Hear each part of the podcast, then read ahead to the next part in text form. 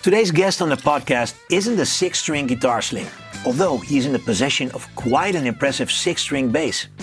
Bass player Nathan East is my guest as we talk about the legendary Eric Clapton MTV Unplugged album. Because I'm paying tribute to this album in theaters throughout Holland in the fall of 22 and 23.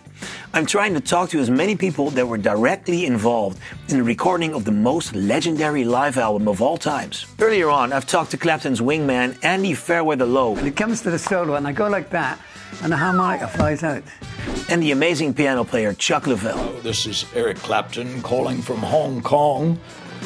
for Chuck Leavell to see if he might be interested in playing some shows at the Royal Albert Hall. If you want to see those interviews, be sure to stick around till the end because I will link to the playlist with those interviews. Nathan East, man, I don't know where to start. This man has played in all the great records you know, played with all the great musicians you know, to name a few. Michael Jackson, Beyonce, Stevie Wonder, Eric Clapton, Peter Gabriel, Whitney Houston, George Harrison, Ringo Starr, Phil Collins, Toto, Daft Punk, Herbie Hancock, and that's not even all of them. If you like the podcast, please consider hitting that like and subscribe button. It will help me out a lot. Okay, without any further ado, let's go. Mr. Nathan East, welcome to the podcast. Before we dive into the Eric Clapton Unplugged album, uh, people will most definitely know you as one of the most recorded bass players in pop history, but you're also a great songwriter. And in my humble opinion, you're the co-writer of one of the greatest songs ever written to open a radio show with. Um, I'm talking about Easy Lover. Can you tell me um, about the session when you wrote that song with Phil Collins and Philip Bailey? Oh man, you know, I love it when a song comes like that, you know, because it, literally we were almost finished with the album. We had recorded for about two weeks, and uh, maybe second to the last day, Philip was expressing. He said, "Well, it'd be great to have something that could be an identifiable single, something the record company would go with right away, you know." And, and uh, I remember just going over to the piano to the piano at the Townhouse Studios and uh, sat down there and just kind of wrote the intro and just started kind of playing the chords and and then uh, they started kind of joining in singing and it literally in about 20 minutes the song was written. You know mo- most of the yes. musical part and, and and the lyrics you know came the next day.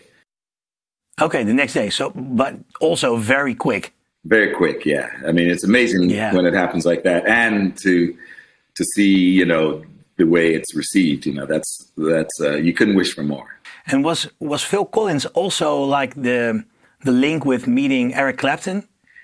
He was. He introduced me to Eric while we were doing those sessions. We went out to Guildford, out about an hour outside of London, and uh, he introduced me to Eric at a pub down the street from Eric's house. And uh, you've been playing with him ever since. Man, it's amazing. You know, we're this is like the 40th year that we've been working together, which is uh, wow, it's unbelievable. 40th year. I'm, I'm, I'm 43. It's like mind boggling. wow. Yeah. Yeah. I asked you um, on the podcast to talk about the legendary Unplugged album, the years leading up to the Unplugged album. It was a, I think it was a special time, right? Especially for Eric. Yeah, a very special time. I mean, funny in, in, in all the 40 years, it's, it's been very special. You know, I remember the first time we, we worked with Eric in the studio on the Behind the Sun album, you know, and, and so he was meeting kind of all of us for the first time, and we were meeting him, you know, kind of working together. There's Jeff Porcaro and Steve Lukather and all these great music, musicians, uh, great filling games, and we were all like like little kids, you know, meeting, yeah. meeting one of our heroes, and uh, we, uh, you know, we basically just it was it was uh, mutual respect and uh, kind of love at first sight. Yeah and leading up to the, the Unplugged show, what can you remember and what about your thoughts on doing that show? Because at that time, um, early 92, Unplugged was like starting to become a big thing on, on MTV. What did you think about doing that show? Was it like a big deal back then or was it just a gig? No, it was, it was, it was a pretty kind of breakthrough moment. First of all, you know, nobody had ever just unplugged everything, you know, especially in, in an electric band, you know. So yeah, um, to play acoustically ended up being a um, something kind of like we're looking up and saying, yeah, who does this, you know? So we we didn't really know, but but it was literally acoustic. That nothing was plugged in, and and um, and so uh, you know the, the bass I use is, is behind me there, you know, and Oh, yeah. the acoustic bass here and the upright are, are instruments that I used for the for the uh, actual show. I uh, I remember the, the the the the circus recording, which I first heard on the the deluxe um, version of Unplugged. Oh, I was like, wow, what is that? Is that a guitar or is that? It almost the the the, the guild bass you you used. right. It almost sounds like a an acoustic guitar lead sound. You know, it's, it's Yeah. amazing playing and amazing sound. Yeah, no, it's it, it was uh, it, was- it was all very. Spe- I mean, I, I feel so fortunate because all these special moments have come, you know, where they're not so planned, but then next thing you know, they they become uh, sort of historic, you know, and then that was Yeah. uh, certainly uh, one of the projects. I mean, it only took an afternoon to make like a few hours, and um, you know, to turn around and sell like maybe almost 30 million albums was just incredible. Yeah. Just to see the response that that the world had to this this little project that we just went out to Bray Studios outside of London and did an afternoon of acoustic playing. You know, to Yeah. um, to have that kind of impact uh, also lets me know too that you don't have to you don't have to hit anybody over the head with your ideas and your music. You know, it doesn't have to be piercing. They say if you want to get someone's attention, whisper. You know, so, so this was sort of you know acoustically played and and and uh, a very you know more gentle approach to uh, a record that you know just uh, sold so many copies and and seemed to have touched so many people emotionally. Yeah, and, and why do you think like this this particular sound at that moment in time, and and the the song choice is that also like of influence on on like the end result of selling almost thirty million albums? Yeah, I think it's a combination of a lot of things. You know, one of the very first, I think it may have been one of the very first unplugs that was going Hmm, yeah. on. You know, and MTV was uh, was kind of just really getting uh, rolling really good, and and so you had now you had a visual audience, um, and then the combination of songs, the the sort of the sentiment, and of course, you know the the tribute to uh, Conor with Tears in Heaven. Hmm. Yeah, it touched the hearts of many. Yeah, absolutely. Yeah. Let's talk about the rehearsals leading up to uh, the recording. I talked to Andy Fairweather Low uh, a couple of months ago, and he said that he and Eric came together one week before the band uh, came together in, in Bray Studios, and they laid out like the roadmap for the show. And I was just thinking, nowadays, you, when you're in a rehearsal, you just lay down your iPhone, you make a quick recording, and you send it to the rest of the band Right. through WhatsApp or WeTransfer or whatever. Uh, but back in the days, that wasn't possible. so how, did it go when you all came together and they they had like this idea? How, how did it? Were there sheets or how did the process go? Excuse me. Excuse Bless me. you. Thank you. Um, uh, yeah, I remember. You know, of course, yeah, no iPhones or anything like that, and and um, so they were able to get together and sort of go over uh, the roadmaps. Um, Layla, oh, excuse me. excuse me. well, bless you. Uh, thank you. In Holland, we have a saying: if you sneeze three times tomorrow, it will be better weather. yeah. You know, it's beautiful weather here. It's a little chilly, but uh, yeah, just uh, pardon Over me. here, it's raining cats and dogs. So it, I hope you sneeze one more time, and then tomorrow I will have sunshine. yeah. Um, so uh, yeah, so so to have you know to walk in and say, here's an idea for Layla that's you know sort of the slower version, you know, and and uh, Yeah. it was all very exciting to to to to kind of be the part of the beginning of innovation. Yeah, and, and the first time they came with that idea, I think because everyone before that time knew that song, like it was up tempo and it was like here, um, and all of a sudden it's like ba ba ba. We're like, guys, wh- what is this? Or did you did you feel it immediately? Yeah, you know, you it's always nice to do a fresh take on something that you've been playing, and and uh, and I thought, wow, what a great idea to just completely reimagine this song, you know. And now, Yeah. um, you know, there's been a couple times actually that we played both versions in the concert. Oh, serious? Yes, over the years, you know, just, just very maybe one or two times, but they both ended up in the concert. I wish you did that last time in uh, in March when you were in Holland. Yeah. Talking about the rehearsals, um, it was a week I think you had. Yes. Yeah. What, so, was that enough, or was it like, uh, we we need some extra time, or? Uh... No, I think you, you, you get a, get in there for a week, and then you you go over everything, and and at the end of each day, when you go back to your your room or whatever, you have a chance to to uh, sort of uh, go over the music of the day. And So by the time the end of the week came, you know, we we all said, "Hey, ready? You want to go do this?" Yeah. So let's bring the invited audience in in a semicircle and and uh, let's do it. Yeah, because that's also a question I had. Um, because playing just totally unplugged, monitor monitoring wise, it's quite a challenge. Right. And I yeah. think especially playing bass, you really, uh, I know, I know, uh, acoustic bass. It's not that it gives back a lot in a in a in a in a really loud environment. No, it's it's um, it's kind of one of those things where you're relying on the you know the feel of it to cut through, and and then everybody is uh, you know have such great musicians that are all listening and able to react. Um, you know, so like if you're playing if you can't hear another instrument, um, that means obviously, you know, it's time to bring your, you know, like especially in the drum category, you know. So yeah. everybody is, was really listening, and and uh, I think that's another thing that made the, the, elements of that very special. And and your backing vocals on on Unplugged, they are amazing too because.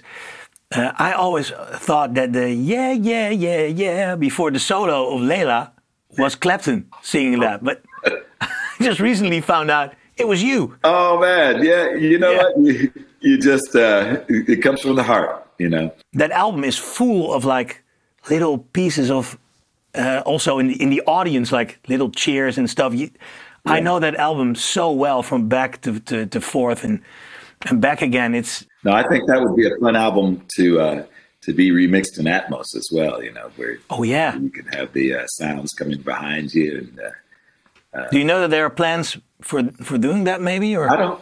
I haven't heard of any, but it, it just occurred to me when you were describing how you hear pick up on different things. Yeah. That um, that would be probably a a fun format to hear that record in. It would have been a great thing to do last year because last year it was 30 years anniversary. yeah, absolutely. Yeah. I think they remastered it. Um, yeah. And uh, for for sonically, but but I think yeah, it would be it would be fun to. Uh, fun to hear it in Atmos. I think it'd be a, a, a whole nother experience. On YouTube, you can find a lot of uh, rehearsal uh, takes, and I really enjoy like looking at those rehearsal tapes because there's like a recording of Layla, which right. really has just not the vibe of the actual recording, and it's it's like the the last ten percent or the last five percent even which uh, which really for playing for a live audience uh, does. You know, that's the thing. Sometimes, even in the rehearsal, sometimes you may even get a better performance. It's it's always going to be different. Every time you play the same song, it's there's always going to be a different emotion and and feeling. And I think that uh, some of those outtakes are, are a lot of fun just to uh, just to compare to once you because you, you have the other one in your in your brain, you know, and how. Yeah.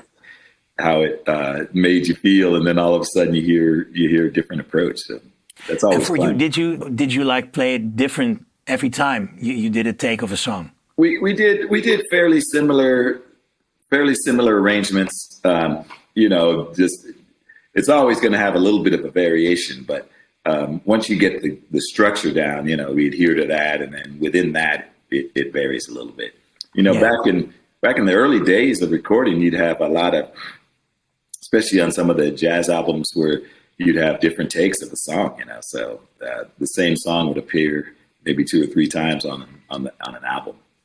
Yeah, but with a different yeah, uh, you, you get different solos and different uh, yeah different interpretations. Sometimes you know tempo is different, and all those little things uh, you know make a big difference. Because I think Eric never played it the same twice.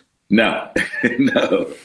Yeah. Yeah. But the, the thing is, I'm I've been playing the whole Unplugged album uh, last fall in, um, in theaters throughout Holland.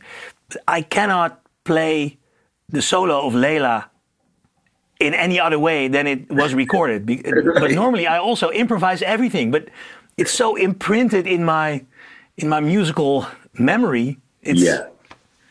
Yeah, it's, Yeah. It, those those become the notes that are like the they're almost like the wheel, you know. Exactly. It's uh, it's just interesting the way you know because for the person recording, it's just this is what you came up with at, at the one time. You know, they say the most popular uh, air drum fill is the uh, "In the Air Tonight" Phil Collins. You know, where the Yeah. and and he, you know, he told me he said, "Well, if if I did another take, it would have been something different." You know, but that became like the the Yeah.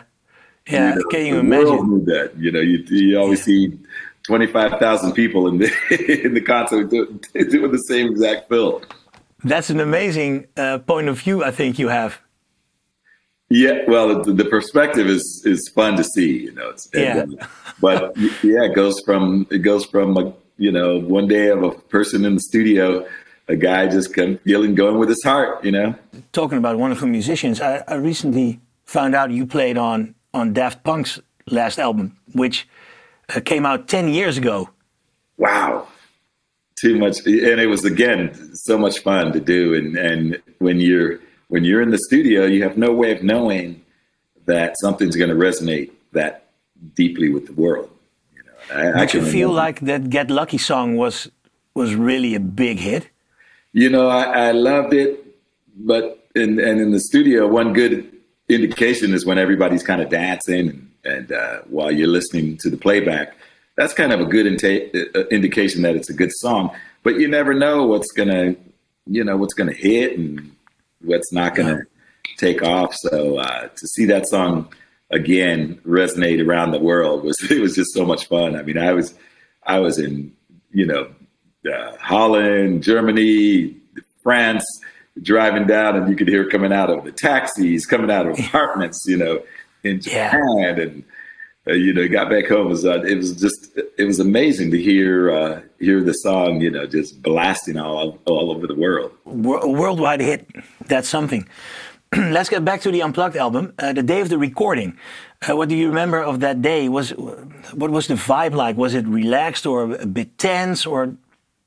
Yeah, no, the vibe was very relaxed and and chilled, you know, and the audience was sort of invited guests and family members and friends and you know a lot of people. So you you were kind of looking at it, you know, friends, and it was like, okay, we went from rehearsing this uh, all week to uh, okay, now bring people in to to play it in front of them, you know, and it's always uh, you know an exciting feel to to kind of go public with the music and uh, you know and get those reactions. And and it, it it's fun to listen to because when you listen to the audience you know it's it's like I can hear you know when they were responding for the first time of hearing a song a different way.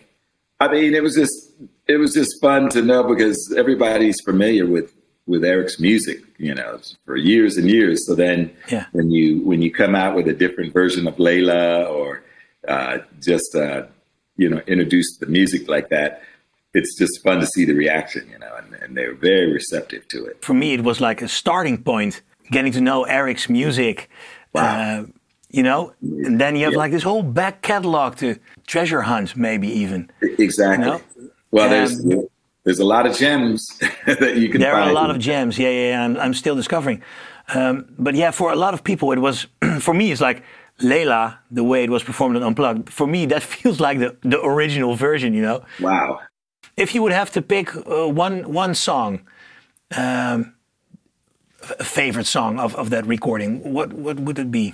Well, I, Sorry, Nathan. Before you answer that question, we have to talk about the sponsor of this podcast, the Fellowship of Acoustics, the best guitar shop in the Netherlands that ships worldwide. And at the Fellowship of Acoustics, you can find premium acoustic guitars, but also electrics, uh, classical guitars, amps, mandolins, banjos, and of course, bass guitars.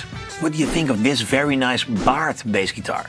A custom built bass built by Robin Bart. Amazing quality. And here you're thinking, what's in it for me, Struilart? Well, I've got you covered. For you as a listener, I've got a special worldwide discount of 5% on everything in the shop. Just use the code Gitaarmannen at the checkout. Okay, Nathan, sorry about the interruption. I asked you what your favorite song was if you had to pick one. I'd, I'd have to say Tears in Heaven really just, again, is one of those just songs that just seems to, uh, you know, I remember recording that song. It, it played me, you know, I didn't play it, you know, so just of the, the emotional attachment to, you know, Conor and, and what the song was about. I think it just makes it a very, to this day, you know, very special song. Yeah, it's a really strong song. I talked to Chuck Leavell a couple of months ago also great. about the the recording. Yeah, great guy, great, great guy. stories he yeah, has to tell. Amazing. Yeah, and he told me about Old Love, uh, that the song uh, wasn't on the official set list, but you had rehearsed it uh, leading right. up to the concert, and that Eric ran out of songs, and that was the last one he played. And that, what what what do you remember about playing that song? Well, again, it's nice to have. It's nice to have. Uh, you know, sort of be over prepared because in in that case, we're okay. We need another song. Well, we got "Old Love" is ready, and uh, again, it's a great uh, song. Uh, I think he and Robert Cray wrote that, and um, I always thought to myself, man, what a what a very simple but beautiful song, you know. And uh, to play it again, it just it just it plays itself you know, as, you, as yeah. you're going through the changes. And then, um, and then one of the all, always when you get to the guitar solo, it's just like buckle up because it just starts just it's a beautiful moment. And to think that it wasn't like well rehearsed, like because it wasn't on the set list officially, and this comes out, it's yeah, yeah, and also Chuck with the piano solo.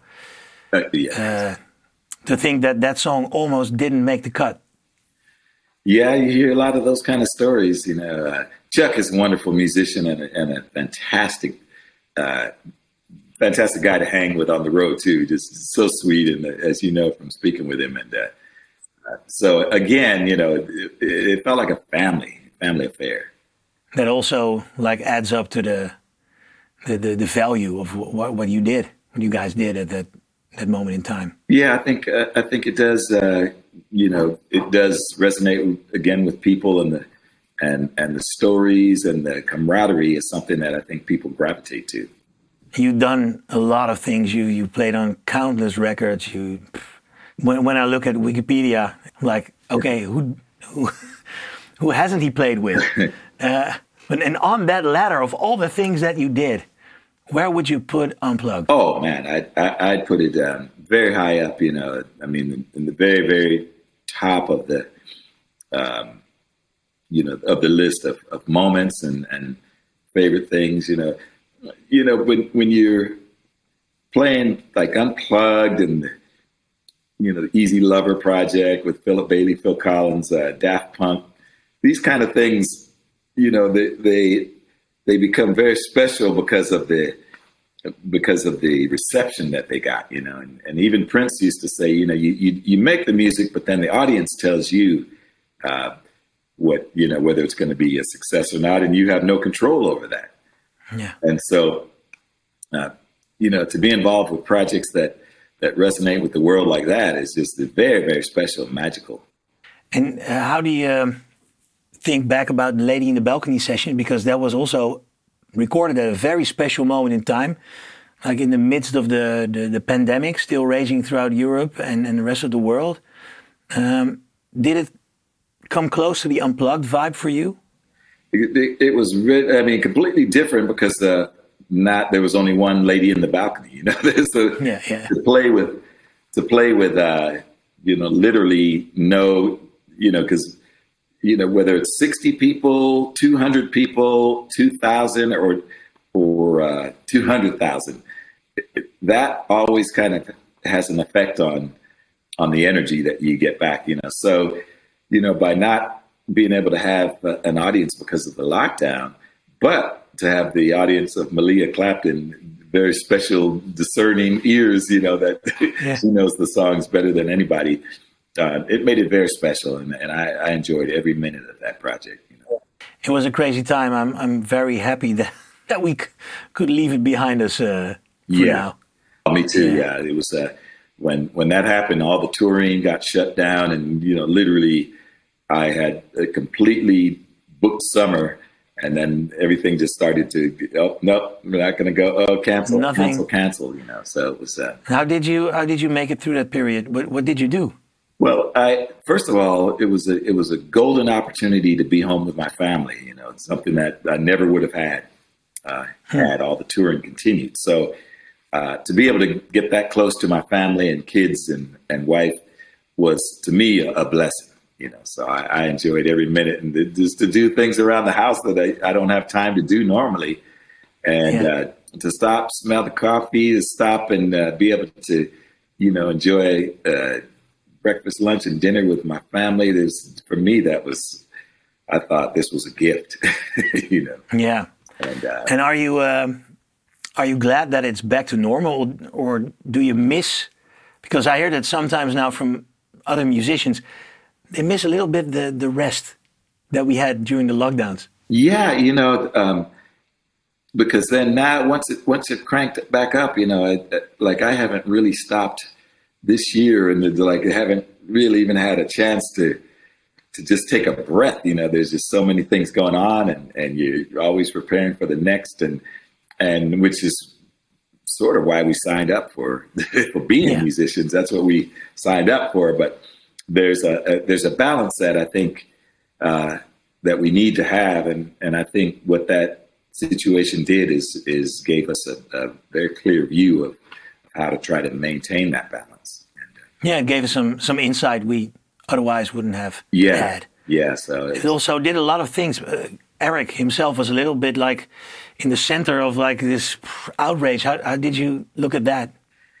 Yeah, I, I looked at that as as a as a head scratcher. I didn't know like why all of a sudden are we you know is is this a such a divisive kind of energy going into Yeah. Something that I thought was you know and and every person um, you know has an opportunity to make whatever choice they want about whatever they want to do you know? And uh, so I thought there were so many people chiming in and and uh, next thing you know is like you you put one item here in the middle of the room and then you have people from all sides telling you you know why they like or why they don't like. It's almost like you know and that's why I love music because it's a song you know you get there and okay oh, I like this song oh I like this song better or whatever but Yeah. but it, it doesn't have the uh, the political attachment that that for whatever reason this had.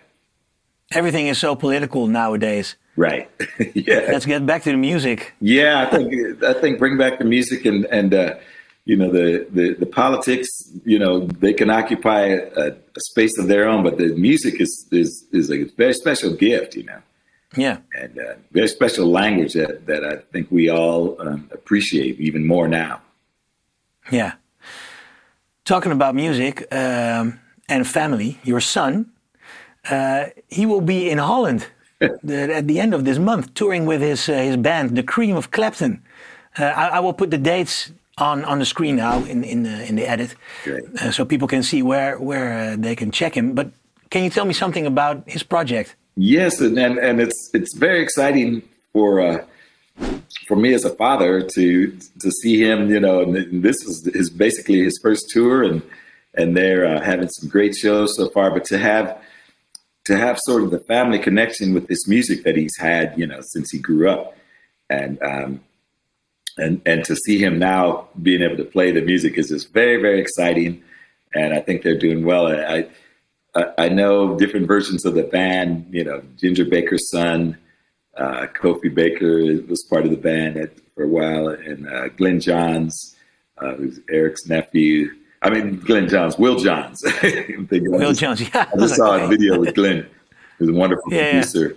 Uh, but Will Johns, you know, and the great talent, uh, guitarist, singer, and it's very, uh, it's very sweet to see them paying tribute to this music and Eric. They're not like uh, reenacting the songs; they're playing it with their own vibe, right? That's the, the thing of it. Yeah, and uh, As a matter of fact, you know, we better watch out because they're they're they're bringing some nice nice new flavor to the songs, and they're they're doing all the all the classics, you know. So definitely, people go out and watch uh, the Cream of Clapton here in and Holland. they have, I think they put the, the dates up on the the Cream of Clapton band Facebook page too. Ah, to end the podcast, uh, do you have a tip for all the musicians, uh, young and old, um, to like improve their playing, or even when they're stuck? Well, one of the things that I always say is just um, do as much listening as possible, and and for me, I still enjoy, uh, you know, listening to all different genres of music, uh, whether it's classical, hip hop, rock and roll, R and B, jazz, you know, country, western. You know, I mean, I enjoy it all, and and go go you know go back, go forward, and and um, it just gives you sort of a, a, a wider frame of reference, you know, as you're making music, you know, to to think, you know, oh, wonder what Stevie would have done here, you know, or or or you know, just borrowing from the the favorites that you know, and and just now with with YouTube and Spotify and and all these places where you can access music, um, I think it's just fun to explore and and and go as deep as you can into the music. So just so that you get it inside of you, uh, which makes you know then what you create and give back, it, it just has an effect on that as well. Yeah, great, great lesson. Thank you very much. Right. And also, this conversation really inspired me. So I'd- like to thank you very much for your time. uh, It's a it's a great pleasure, and uh, thanks for uh, thanks for your support, and then for uh, you know even even putting these kind of things together. I think it helps uh, further what we all do. we uh, we have to keep telling the story, and uh, No, thank you. Absolutely. You know, and uh, I, I think music makes the world go round. It's one of the, my go-to places when things get too crazy. You can always go there, and uh, uh, the music will never let you down. that's a great, great line to end the podcast with. Okay, cheers. It's all the best. I- Okay. perfect time, and my wife is just giving me a call right now. Ah, that's great. Say hi to your wife. Thank you very much. bye bye. Thanks for watching. If you like the podcast, please hit that like button and subscribe for more guitar related content. And if you would like to see the other interviews I had with Andy Fairweather Low and Chuck Leavell, all about the Unplugged album, please click on this playlist. Also, it would mean the world to me if you would check out my own music. You can do so by clicking right here. Thank you very much. See you later.